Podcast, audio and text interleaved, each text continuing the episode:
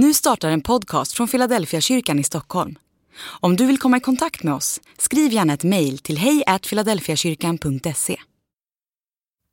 Dag 53 Allt som händer har inte en mening, men allt som händer kan få en mening. Det är en stor skillnad på dessa påståenden. Gud ligger inte bakom allt som händer.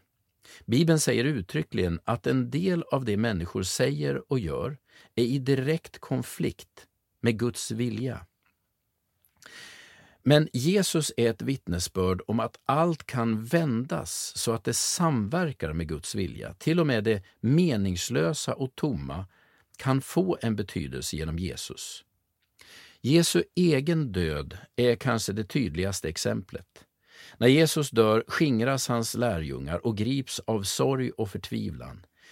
Jesu död krossar alla förhoppningar om en bättre framtid.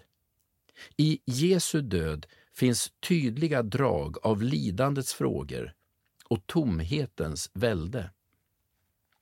Men genom uppståndelsen ger Gud döden en annan innebörd än lärjungarna hade upplevt.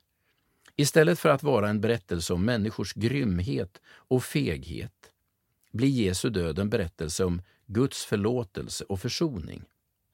Det är också innebörden i Lazarus uppståndelse.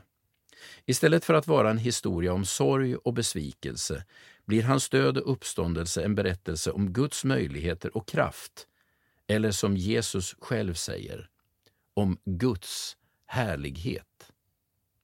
Andlig övning. Allt som händer har inte en mening, men allt som händer kan få en mening. Har du upplevt detta?